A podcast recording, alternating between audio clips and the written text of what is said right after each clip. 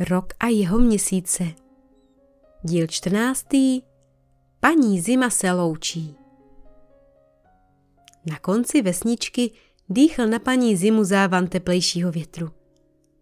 Na potoce, který protéká vesnicí, je už jen tenká vrstvička ledu a pod ní se s jemným zurčením převalují vlnky vody. Chaloupky tu jsou už jen lehce zasněžené a mezi tenkou sněhovou peřinkou která pokrývá zem, prosvítají jemné zelenkavé koberečky, z nichž vyrůstají drobné dlouhé lístky. Tu a tam se objeví také bílé poupátko a na svět se chystá vykouknout první sněženka.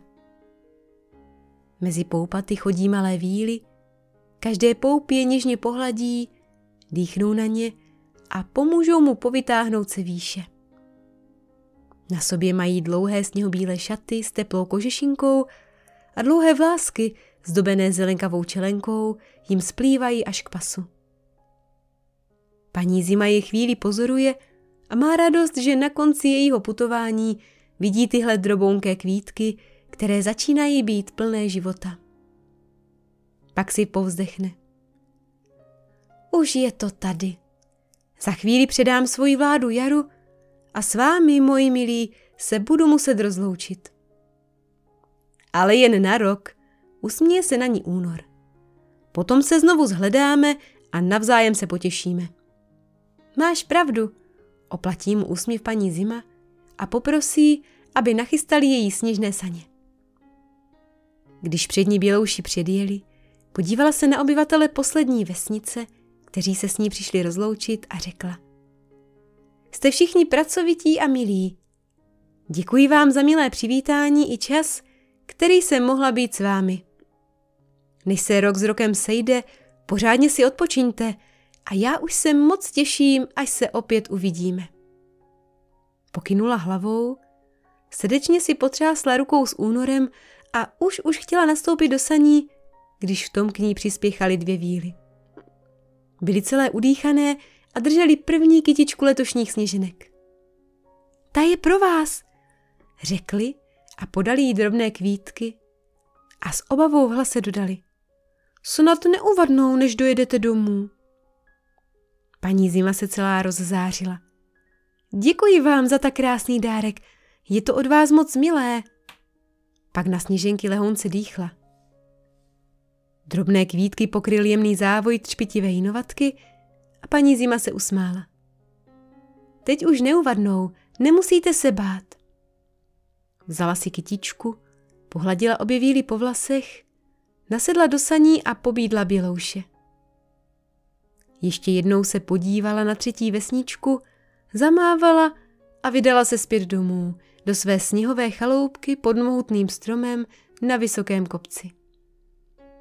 Cestou jí při pohledu na sněženky bylo veselej – a když se krajinou rozezněly první písně z křivánků, zahřála jejich písnička u srdce. Když pak přijížděla k moutnému stromu, uviděla Jaro, mladíka, který seděl u vedlejší chaloupky pod rozkvetlými větvemi a vyřezával píšťalky. Vítám tě doma, paní Zimo, zahlaholil mladík a ptal se. Jaká byla cesta a co tvoje vesničky? Děkuji za optání. Vše je v nejlepším pořádku, odpověděla paní Zima a dodala. Bylo mi v nich moc dobře, ale přiznám se, že jsem ze všeho putování unavená. Už se těším, až se trošku prospím. Pobídla Bělouše a poslala je do stáje, aby si také odpočinuli. Pak se otočila na mladíka a zívla. Oh, tak dobrou noc, Jaro ať se i tvoje cesta do údolí vydaří. Po těch slovech vstoupila paní Zima do své chaloupky, kytičku sníženek, kterou cestou pečlivě opatrovala, vložila do skleněné, vločkami ozdobené vázičky. S něhou se na ně zadívala a před očima jí proběhly krásné chvíle jejího zimního putování. S radostí si vzpomněla na své přátelé prosinec, leden, únor – a na všechny obyvatele zimních vesniček.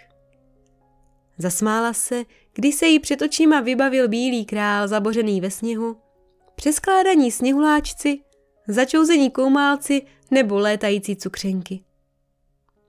Spod kabátku vytáhla darovanou rolničku a pro radost si zacinkala. V tu chvíli opět pocítila klid a krásu vánočního času, úžas nad třpitivou jinovatkou, zdobenými krajkami, mrazivými obrázky a vzpomněla si na všechny milé chvíle, které prožila s drobnými vílami na konci poslední vesničky, s lesánky v jejich teplé hájence, sněžnými nosičí ve mlíně, zvířátky i při chvilkách odpočinku s dobrotami, co napekli cukráři. Byla ráda, že její vesničky mají tak báječné a pracovité obyvatele a spolehlivé správce. Pak ji ale opět přemohla únava. Odložila všechny teplé věci, uvařila si bylinkový čaj a zachumlala se do měkkých peřin. Však si odpočinek po tak dlouhé cestě zaslouží. A my ji můžeme přát jen samé sněhobílé sny. Soubor příběhů na pokračování s názvem Rok a jeho měsíce pro vás připravila Martina Urbanová. Další příběhy najdete na www.píšuproděti.cz.